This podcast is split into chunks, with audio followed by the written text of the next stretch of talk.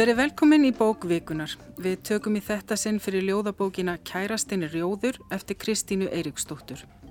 Bókin kom út árið 2019 en Kristín er fyrir löngu orðin þekktur höfundur ljóða, smásagna og skáldsagna.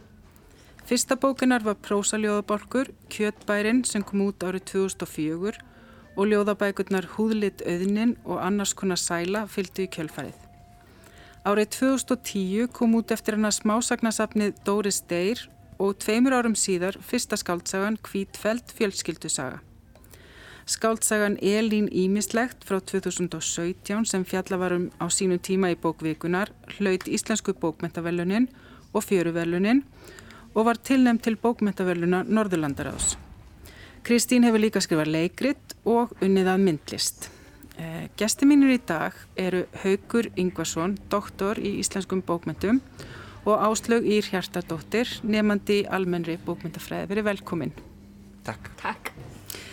Títillin á þessari bók, ef við förum bara beint í hann, hann er svolítið sérstakur, kærastinn er rjóður, en ljóðin, jú, þau fjalla um kærasta, kannski í fleirtölu, frekar en eintölu og í einum hlutanum þá eru líka margar útgáfur af sama kærastunum, en titillin hann er endar bara fyrsta línan í fyrsta ljóðinu sem heitir kærasti nummer eitt. Kannski bara lesa þetta fyrsta ljóð. Kærasti nummer eitt. Kærastin er rjóður. Hann er að segja mér eitthvað frá því hann var lítill. Rauðir dílar ferðast um andlitið eins og skíabólstrar ég segja honum eitthvað frá því ég var lítill.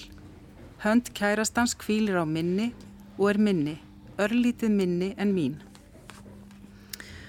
Uh, alls, uh, já, í kjölfarið þá kemur svo ljóð sem heitir kærastin með tvö og alls eru sex ljóð um sex kærastægi sem fyrsta hluta bókarinnar. En svo áttægi ég mér náttúrulega líka svona vandræðilega sent af því að orðir rjóður hefur náttúrulega aðra merkingu, það getur verið skóarjóður og uh, það sem myndi mig á það var að kærastin með fjögur sem verðist nú reynda að vera svolítið vafa sem týpa, hann er alltaf svo upptekinn af fyrfirandi sinni. En hann byrja ljóðið að hann kemur gangand út úr skóið, hefst svona Kærastinn kemur gangandi út úr skóginum, hendir síkaretustupp í jörðina, trampar aðeins, sumarbústaður foreldrans brennur, þau kenna útlendingum um. Hann gefur mér rauðan kjóla fyrfirandi og áframsendir á hana e-mail samskipt okkar. Við ákveðum að búa saman. Ég segi honum frá manni sem hrindi mér niður tröppur og skemmtistað. Hann segist líka þurfa að heyra hans hlið á málinu. Við ákveðum að kaupa. Um, Þannig að þetta er svona, þessi ljóður eru svona öll frekar stutt, þetta eru svona, svona lilla svipmyndir og um, já, það, þaðan kemur í rauninni titillin. En hvað segir þið Haugur og Áslu, hvað fannst ykkur um titillin? Jeg vil sige, at min levebogen er stærk, stærk som breven var så. Hun börjar levebogen av att tala första sex kærasterne. Mm -hmm. Men bara är så det skrøytlagt og nútímalagt. Það er hægt að tólka ljófin og marga mismandi vegu.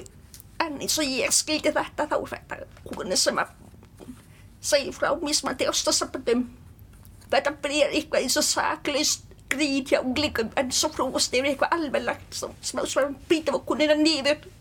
Hann er mjög stað magna að því að já, lasa þetta var hugsa ég hashtag MeToo. Hvað segir þú Haugur með fyrstir uh, titillin og þessi fyrstu, þessi fyrsti bólkur?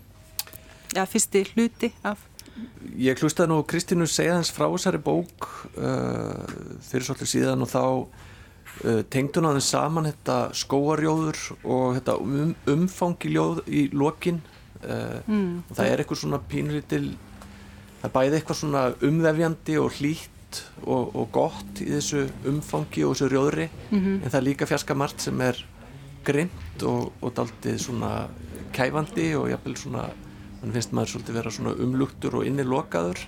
Þannig að það er mikil tvíræðin eða finnst mér eins og í svona mjög mörgur sem að Kristín hefur gert. Mm, Einmitt.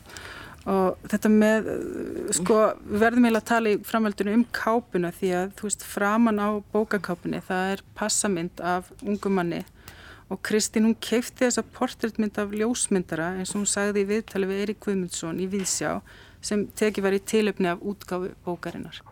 Þetta er verk sem að ég kefti til þess að setja framann á bókina mm -hmm. og þetta er sem sagt verk eftir Sigurð Unnar Birkisson sem að gerir alveg stórkoslegar portréttmyndir það er hægt að sjá þær á hérna, Facebook á mm. passamyndir og hérna og ég bara sá þessar portréttmyndir og hérna og hugsaði að, að, þetta er bók með portrétti og hérna og svo sá ég ljósmyndaran mm -hmm. og ég hugsaði að þetta er náttúrulega rjóðasti maður sem að og hérna og hann sem sagt var til í þetta og, og hérna og ég fekk þessa stórkuslegu mynd frá honum og, og hérna já, þannig að þetta er svona samstars þannig, eða, já, já. Hann, hann var til í þetta mm -hmm. og þessi maður er einhvern veginn, einhvern veginn svona sakleysið uppmálað myndi ég segja Mér finnst Eða sko hva? í þessu andliti að þá ég skinnja berskjöldun. Mm -hmm. að hérna betra, hann, horfir, hann horfir bent á ámann og, og brósir sem að fólk á misjaflaðið öll með að gera.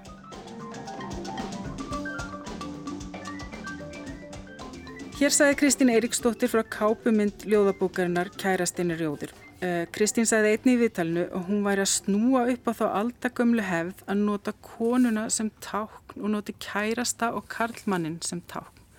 Uh, hjá mér eru Haugur Ingvarsson og Áslu Ír Hjartdóttir.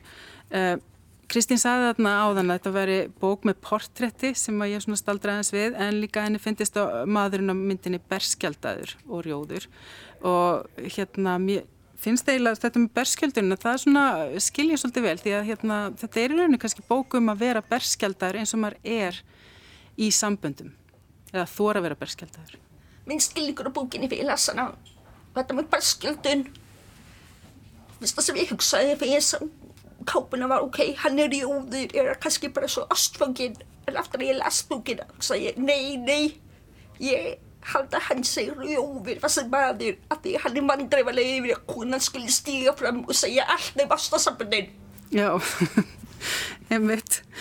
Og hérna einmitt það, það, það er hann segja svona margt vandræðilegt hérna í, hérna, í samskiptunum. Hvað segir þú Haugur, hvað hugsaði þú þegar þú ást þessa mynd? Um, ég hafði hirt viðtal við þann Sigurð Unnar Birgisson sem að tók þessa mynd og er líka sagt, á kápunni sjálfur og hann hafði unnið hansi skemmtilegt verkefni að því að hann vinnur á held í ljósmyndastofunni sem að margir fara á þegar þeir fara að fá aukurskirtinni í kópaveinum og hann hafði tekið alveg bara ótal myndir af fólki. Og, og þetta er einhvern veginn svo lýsandi fyrir okkar samtíma við erum að skoða myndir af fólki alveg stöðu út á, á netinu og út um allt.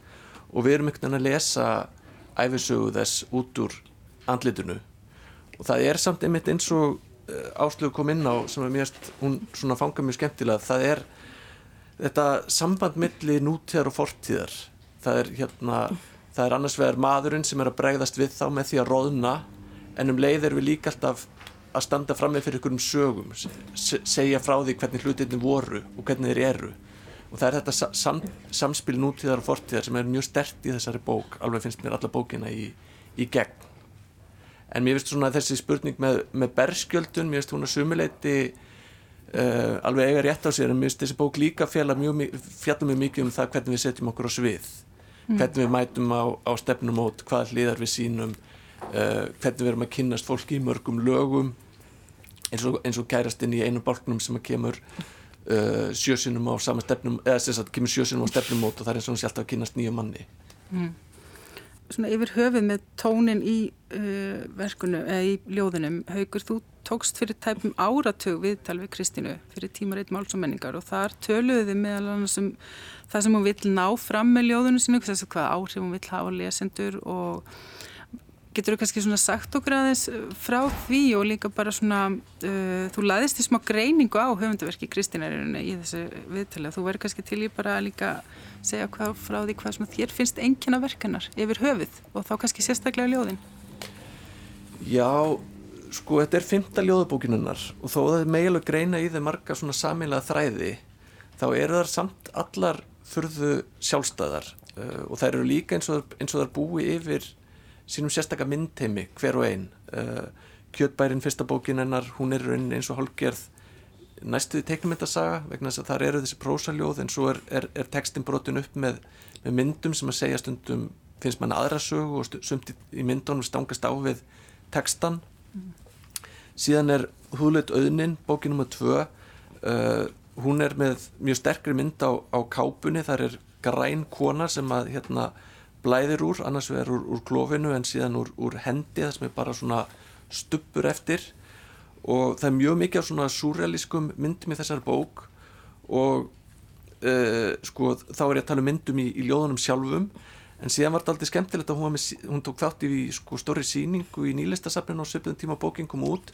Og þar eru margar af þeim myndum eða voru margar af þeim myndum bara raungerðar sérstaklega í svona skúltúrum og, og innsetningum og, og öðru slíku. Uh, annars konar sæla sem er uh, þriðabókinennar uh, hún er líka með, með myndum en hún er kannski mörguleiti svona hefðbundnasta ljóðbókinnar til, til þessa. Þar er svona ljóðin eru kannski sjálfstæðust finnst mér, þau eru kannski ekki svona hluti af einni, einni samangandi held og síðan er Kók sem er líka mjög sérstöð bók, hún er líka mjög mikið myndskreitt byggir rosalega mikið á endutekningum og byggir mjög mikið á að leika sér að hljómi orða. Það er myndið eins og þegar þú sagðir hól á þann þá finnst mann eins og það, hljóð, það orð sé nánast eins og skuldur það er sagt einhverslega svona hljóðskuldur af því að það tekur upp svo mikið rými. Og sama er með þetta orð kók sem að mm. bókin heitir eftir. Uh, það kemur ítrekka fyrir í bókinu og einhvern veginn af einhverjum ástæðum kók og kók og kók stendur til þess bara einni síðu vekur þetta hjá mann einhverja svona kúunar tilfinningu og þessi bók hún er sem sagt átt að setja upp óperu byggða á henni í borgarleikusinu bara núna í, í mánamótin held ég bara núna, november, desember ég veit nú ekki hvort það verður af Nei. því en ég veit að það er búið að halda generalpröfur mm -hmm. en svona ef maður fer svona á hundavæði í gegnum þessa bækur svona reynir að, að hérna, gera einhverja, einhverja yfirbúrslega grein fyrir þeim þá, þá, þá svona horfaður svona við mér en þær eru síðan eru einstakar línur og, og ákveðnir svona þættir í myndmálunum sem eru enduteknir en þetta eru samt, þetta eru samt allt saman mjög svona, finnst mér sjálf, sjálfstæði listaverk sko. Mm. Þannig að þú getur ekki sagt svona almennt enginnisljóðin af einhverjum, þú nefndir nokkra hluti í þessari grein svona þessi ógn og kvíði þarna mm. talar um myndvísi, óvinnilega lítanótkun og svo framvegs um, finnst þér þetta að vera svona mísamt eftir bókum hvaða er sem að skýni gegn? Sko það er náttúrulega líka bara það sem áslug kom inn á áðan hérna í upphafinu, þú veist það er líka bara þessi staðakonunar, samband kynjana og mm. svona þetta, þetta ofbeldi sem að fælst í samskiptum og ekkert endilega þá bara á annan vegin, ekkert endilega bara þannig að konu sé alltaf í einhverju fornalands hlutverkum, mm. en það er bara þessi spenna og þessi valdabarta sem er ofta milli persóna í verkum Kristínar, bæði ljóðunum og svo líka í, í skáldsögunum hennar og smásögunum Áslöð, það var eitthvað sem þú svona, þér finnst svona uh, ábyrrandi í þessari bók, það er þessi, eins og haugu kallar að valdabarta eða ofbeldi? E, sko, það er anfaf þetta gamaldags viðhorf í okkar vastari samfélagi með konu sem er bara móvið sýstir og dótti. Konu er bara sá um heiminu og barnin yfir það breytast en var andar svolítið svona drotnin og búið að vera fast mjög lengi, hugsa ég. Þannig að, já, ég myndi segja já, það er valdabarn. Mm -hmm. En núna síðustu á þá var koni stegið fram for að segja frá og segja kallmann hvernig þeir eiga að tala við konur. Bókinn talar um þetta innmitt og sjáum í hluta, strax í hluta tvö, þannig hún er svara brefum. Hún segir, hvort að segja sína skofinn, hún segir já, þú vilt bara vera með því sem mammi þinni. Svona fröytist mm. og í hluta fimm aftur að svara brefi frá kærastanum. Æ, fyrirgefðu, ég hafi múkað þig en ég skildi þetta eins og eitthvað knuglegt eins og massarínu kökur eða pasta en maður skildi þetta aðrýðisig þetta var í múkandi samskilda brastur ákveðin tóksteita á milli aðiláðu Einmitt, það eru þessi tveir kaplar sem eru kæri brefritari 1 og kæri brefritari 2 það er svona ekki alveg saman, kemur ekki alveg eh, eftir hvert öðru og koma hennar tveir kaplar á milli. En það er einmitt mjög áhugavert ég, ég, hún, hún svona er svolítið já, hún er svolítið grimm og reynskilin kannski fyrir, fyrir hlutunum og svo er hún svolítið byrjar á hún setni hlutin á því að afsaka sig einmitt eins og til og með þarna kemur til og með fram í fyrsta hlutanum að þar eru kallmenn að setja sig í svona hlutverk verndara. Þetta er þessi spauðlega lýsing á kærastanum sem hún hefur ekki hirti í langan tíma en svo skindilega kemur hann hérna og lætur hann að vita því að hann hafi séð, flass, séð flassar í gardinum, nei séð gluggagægi í gardinum mm. og maður veldi fyrir sig hvað var þessi maður að, með, af hverju var hann að fylgjast með húsinu þegar hann hafi ekki hirt um hann í langan tíma? Og, en, og sama kemur síðan aftur að það er eh, kærastinn þar sem þau eru í, í pikniki eða einhverju svona lautarferð sem er mitt verið að svipast um eftir flössurum áður en þeir setjast niður til að borða. Þannig að það er náttúrulega að gera ykkur svona, gefa ykkur svona spauðlega mynd af kallmönnum sem einhverslega svona varðhundum og, og vendurum. Mm. en það sem er samt finnst mér svona stígandin í bókin og frammyndan einhver leiti hvað er það fyrsta sem að fyrsti kærastinn gerir? Hann segir frá því þegar hann var lítill veist, og þau eigi eitthvað saman þau eigi eitthvað sameilega minningar. Mm -hmm. og svo er þetta orð minni sem er endutekið aftur og aftur og Kristín mitt notar alltaf endutekninga mjög mikið. Hönd kærastens kvílir í minni og er minni örlítið minni en mín, veist, þetta minni þrítekið og mannlega, þá náttúrulega kemst maður ekki hjá því að hugsa að minni er bæði náttúrulega þetta sem er mann úr fortíðinu og svo náttúrulega minni sem er líka það sem er lítið. Það er þetta sem við erum alltaf að gera. Hver ertu? Og þá fer maður að segja ykkur að sögu af, af, af fortíðinni. En, en það er líka svo margt í fortíðinni sérstaklega þar ástarsambundur annars vegar sem við skiljum eftir og verður eftir í þessu skrítna þessu skrítna heimi sem elskendur eiga útaf fyrir sig þú ferð ekki inn í nýtt samband og ferð að segja hei ég var að gera þetta með gamla kærastanum mínu og gamla kærastunum mínu en það er eitthvað að gera sumir af þessum kærastum í þessari bók en þess að þeir verðast svona þverbrjóta reglunar um samskipti og samskipti kynjana mm.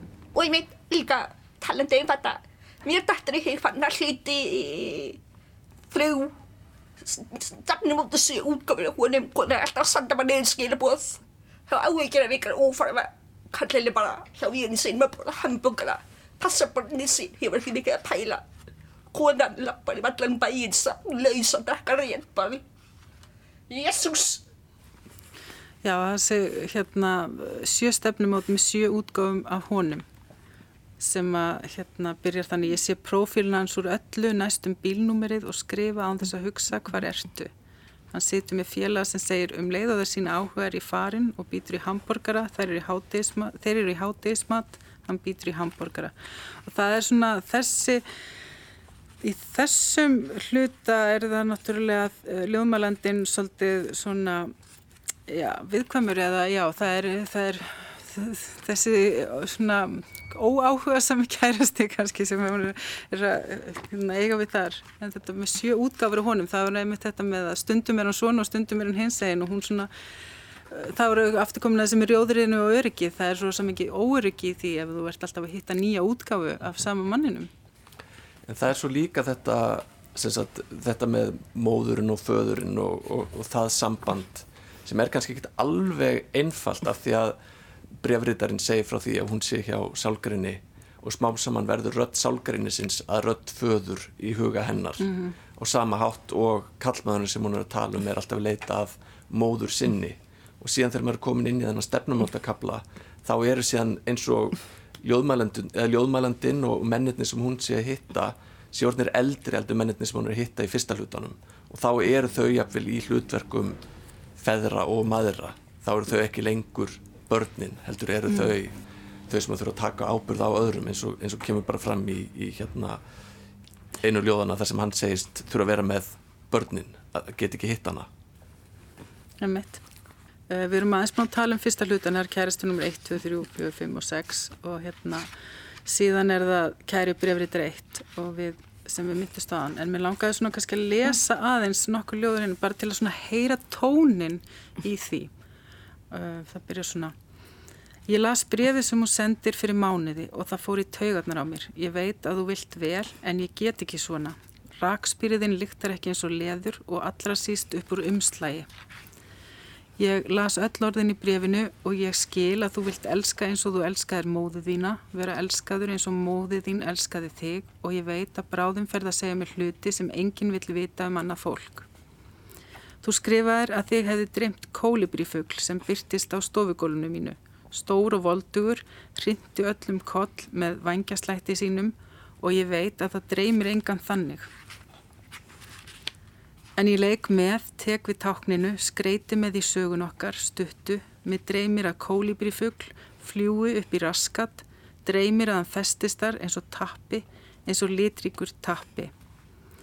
Þetta er ekki þér að kenna, sálgreinur minn hefur sagt að ég verji mig með húmor og hann segir líka að ég hafi smekk fyrir fólki sem stingur mér í bakið. Þetta tvent hefur hann staðhæft, en fátt annað. Uh, þetta fannst mér svona svolítið áhugavert að því að mér finnst koma svolítið vel fram þarna í þessum hlutu að það er bæði mikil húmor í þessu, mm. maður getur eiginlega ekki annað en hleið yfir kólipurfuglunum en síðan er það er samt alvara líka þannig að það er hann ákveðin tókstreita melli húmors og alvöru sem kannski setur lesandum pínlíti svona í vandastundum, hvað ámar að taka svo alvarlega eða ekki. Hvernig upplýðu þið uh, bæði þetta með húmorin og alvöruna? ég er aðeins að fara út fyrir en ok, tökum Shakespeare sem dæmi það sem aðeins skrifaði harmleiki en stundum voru kallaði hann þess að harmleiki gamanleiki við veitir, það er kannski fyndið ef manneska dættur tvæ tröppur en ef manneska dættur hýran stiga og deg þá er ekki lengur fyndið. Það en eins og með þessi bók. Okkur, ég fannst þetta svolítið fyndið þegar ég lasa hann fyrst. En svo þegar maður kafar lengra ofan í bókina. Ok, þetta er ílega ekki fyndið þetta er bara kallt henni. Og bara eins og hún segir sér við hluta þrjú, ég nota húmor til að varja mig. Hún er að koma sér gegnum þess að erfiða reynsmi með húmori. Annars var ég lífi bara ekki fyrir smerði Hvað segir þú aukur? Þetta er náttúrulega mjög flókin húmor eins og Áslug segir. Veist, það er mitt, og það er það sem er með þessa bók finnst mér að því að hún, hún var mann ég gaggrindur töluð um að þetta væri svona einhvern veginn léttvægari bók eða einfaldara eldur en fyrir verk Kristínar. Uh, hérna það nú einhver staðar stendur skrifað hér djúpa yfirborð og það er svolítið það sem er hér. Þetta er svona, finnst mér líka því að Áslu myndist líka á því upphafinu með hérna, hvað er margt nútímalegt í þessari bók. Og ég er alveg sammálið því mér finnst hún fangar margt úr nútímanum einhvern veginn. Það er einhvern veginn hvernig við erum að kljást við svo margt nýtt. Þú veist, ég bara veit að vinir mínir sem hafa verið í 10-15 ára samböndum og lendi að skilja og, og hérna farið sér nú bar og farið að blikka út á söður þeir mér bara þakka fyrir að vera ekki letur út í handjarnum það er svona bara eins og núna það, það að, að samskiptin fara svona mikið fram í gegnum stefnumátafórið og fólk í rauninni tala ekki saman á þess að hafa fengið samþykki fyrir því áður. Mm -hmm. það bara breytir svo miklu en það breytir því líka, þú veist, að við erum ofta að lesa fólk rosalega rætt ároslega yfirbúraskendan hátt. Uh, og það er með þetta, þú veist, sjö útgáður af, af einum og sama manninu sem er alltaf að, að hérna að, breyða upp einhverju mynd af sér. Og hvað hva, hverjum, hver, hverjum kynnustu á stefnumóti? Og það er svolítið svona, finnst mér koma fram svolítið mikil munur á samskiptunum í fyrsta lutanum þar sem eru tilfinningun og fólk sé að byggja upp einhverjar uh, samilega minningar uh, einhver samskipti sem er einhver, einhver svona hluti af æfinni en, en það er einhvern veginn erfiðar átt að segja nákvæmlega hvað stefnumót eru hvað eru stefnumót í líf okkar þú veist, hvað gerum við þessi svona tilvölunakendu stefnumót sem við farað á með mannsku hvaða merkingu hefur þetta eiginlega mm. og eins og tala um þetta með stefnumóta uh, þetta með síður eða svona skilabúðan að einmitt þar er kannski opaslega erfitt að átta sig líka og kallt henni húmor mm -hmm. eða eitthvað getur virkað grimt og kallt og, mm. og það er kannski ekki meint hannig en, en þessi stufti skilabúð já.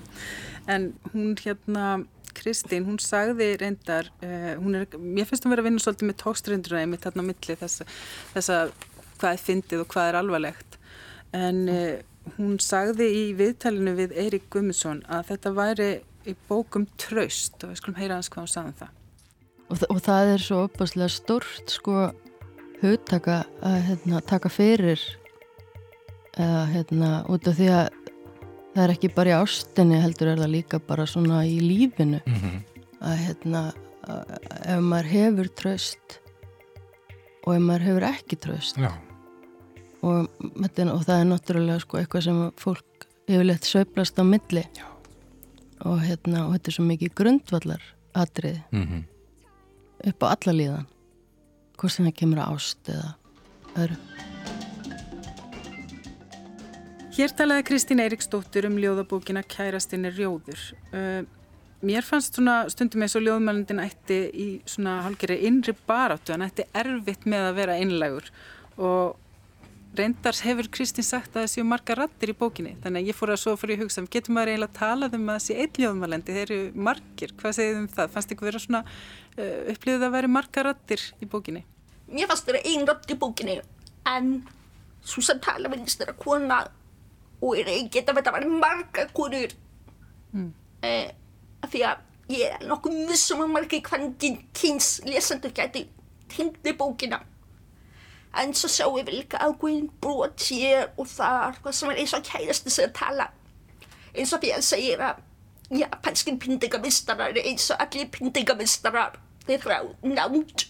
Það er svona hálf annir að Það er svolítið svakalig lína En svona yfir höfið þá er, fannst mér ljóðmælendin einmitt eh, eða ljóðmælendurnir vera eh, þetta með, þetta er þetta með að kannski vilja vera einlegur en það er bara svolítið erfitt. Ég er ekkert endalega vissum að, að, að maður geti verið einlegur í list eða þú veist ég er ekki alveg vissum að það sé það sem listin er af því að það, hún er, þetta er eitthvað svona umræða þar sem að fer alltaf að býta í, í skottið á sjálfur sér sko en mér finnst þetta eins og það er svona eins og segir einu ljóðunu hérna hann heldi fyrst fyrir sjálfan sig og talaði við aðra konu. Sá aðra konu í minn stað talaði því við aðra konu sagðist bara vilja vera með henni en að hann sæti þarna með einhverju annari konu. En eins og gerist þarna þarna er hún að horfa á aðra konu og skyndilega er hún orðin önnur kona. Og þú veist það er þessi svona fjarlað sem ljóðmælandin hefur á sjálfan sig hvernig hann er einhvern veginn að skoða hlutina bæði út frá einu, eins sjónurotni sem líka skoða sjálfan sig eins og með augum annara og það er einhvern veginn þetta sem er líka mjög stert í þessar bók veist, það er það hvernig, hvernig við verðum til í samskiptum hvernig við verðum til í samskiptum við mm. aðra. Og svo heiti næsti kapli hæg fyrverandi og þá er þú veist hún að hugsa um það hvernig hún er orðin fyrverandi í huga annara mannesku hvernig hún er kannski orðin manneskjan sem að, hérna, að eins og í fyrsta fyrsta, fyrsta bálknum þar til minnst gefur einn af þessum ömurlu kærustu menni kjóla fyrverandi og lætur hann að klæðast. En þannig er hún orðin fyrverandi lífi eitthvað annars manns. Mm. þannig að það er líka, og hvernig er það? Hvernig er það að vera að saga í huga einhvers annars? Þú veist það er svona stöðuga, stöðuga tví, tvíræðin einhvern veginn og svona margræðinni mm -hmm. og svo eins og ég var að tala um á e, þetta með ja, kaldan einlegnu og ljóð.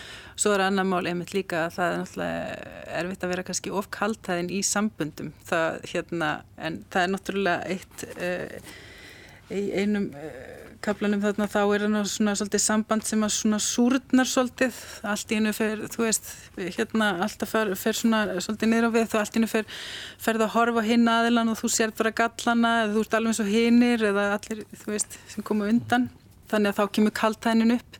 Til dæmis í þess að við vorum að tala um þessi kæri brefritari 1 og kæri brefritari 2 að hérna fyrst er hún svona frekar kannski virkar, hún átt að segja á því hún virkar kannski frekar hörð þannig að þegar hún skrifar hún um aftur þá afsakar hún segja sem við tölum um. En svo er hún svona ímyndað sér að þau geti hist í kaffi og rætt málin. Og það er svona eins og að sé svona óskum að það gæti verið einlægni og maður hugsa með sér það getur hún aldrei gengið. En það getur hún útskýrt svona betur og það er þetta, svona mér fannst að vera svona pínu undirleikjandi, það var svona kannski svolítil uh, óskum það það vonum að maður gæti átt í einhvers konar einlegu sambandi. En hérna, en eins og lögumælandi segja sjálfur, að hún brinjar sig alltaf sjálf. Eh, Sko, ég er svolítið mikið einn fjöfninsku búkmöndum ég vil helst bara lesa lög eftir konur. Af því bæði af því konur eiga til að deila einslu sinni gegnum ljóð. Þannig ég tengi að líka mér finnst. Nútíma ljóð aftur koni ofta er það svona. Svona djörf það er koni að þú er að brjóta niður formi og bara tjá sig með þeirra einat kallanir, já, þeir er fínir líka í dag. En eða sko um gamle ljófin eins og Daði Stefansson eitthvað allt fast í rými. Ég finnst þess að skauti sem búin að hlekja sjálfan sig við ljóðformin ég myndi samt segja Já, ég líst það alls nefn og svo alveg. Mér er bara að mér langar að fá smá nostalgíu. En mér finnst betra að lýsa ljóð eftir konu, hægst nútíma ljóð. og þá er ég að tala um konur eins og Kristín Eiríksdóttir, Gerði Kristný, Milborg Dagbjörnsdóttir, konur auðvitað mismandi eins og það eru margar. Ég sá smá samhljóð með til dæmis Kristínu, bókinni Kæristinni Rjóður og Milborg Dagbjörnsdóttir, kannski ekki agnir eða formið en Vilborg skrifaði um konur í ljófanum sínum. Hún var sjálfur feministi og hún skrifaði atomljóð. Það er nú ekki að binda sig byggviljóformið mér, bara fylgja sinni einrætt. Mm -hmm. Svolítið svipað og Kristinn gerir í bókinni. Gerði Kristni, já, hún líka svolítið óhefbundin en fylgja samt ákveðum norræna bragarhættu. Það sem þessar frjákonur eiga samilegt er að þær eru konur en það er auðvitað með mismörndi rættir. Mm -hmm. Og einmitt varðandi formið, þú talaður aðeins um það í greinu haugur að uh, svona uh, ljóðinennar Kristínar að þau séu góð þegar eru lesin upp, það er sé oft einmitt svona einhvers konar taktur í þeim eða hrinjandi. Finnst, hvernig finnst þér svona eins og þessi ljóð passa við þær lýsingar? Sko, mér finnst alltaf bætast heilmikið við þegar Kristín les sjálf og mér finnst mm -hmm. yfirleitt bara mjög gaman að heyra skáldi lesa ljóðin sín saman hvort þú gera það vel eða illa vegna sem ég finnst að alltaf bæta einhverju við merkinguna mm -hmm. en það er eitthvað með þessa bók eins og bara myndin framan á er passamynd eitthvað svona lifturmynd mm. og það er líka einhvern veginn við þessa bóka hún er einhvern veginn daldið eins og einhverslega skyndimyndir hún er daldið svona eins og manneska sem er að tala bara frá eigin brjósti og það er mikið svona brotnum setningum mínu stundum eins og hugsunni sé ekki alveg full kláruð jafnvel eins og það sé samingi þannig brotið að, að, hérna, að málfræðin sé ekki alveg rétt milli, milli setningarhluta eða, eða lína. Og þetta gera það verkum að það er alveg rosalega mikið rýmis fyrir lesandan til að ráða í. Stundum finnst mann reynilega eins og maður liggi á hleri.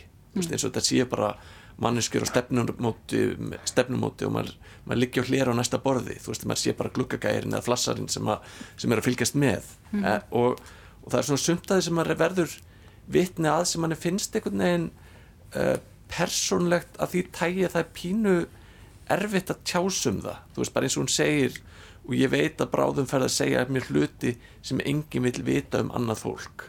Og það er sumt í þessari bók sem eru svona nánast eins og hlutir sem að þú sem að fólk segir ekki á fyrsta stefnumóti mm. heldur eins og sérstaklega eins og í fyrsta hlutunum hérna kærastinu rjóður, þú veist það er verið að segja manni þar hluti sem að sem fólk segir venileg ekki annari menneskunum og hún sé farin að þekkja hann sér vel mm.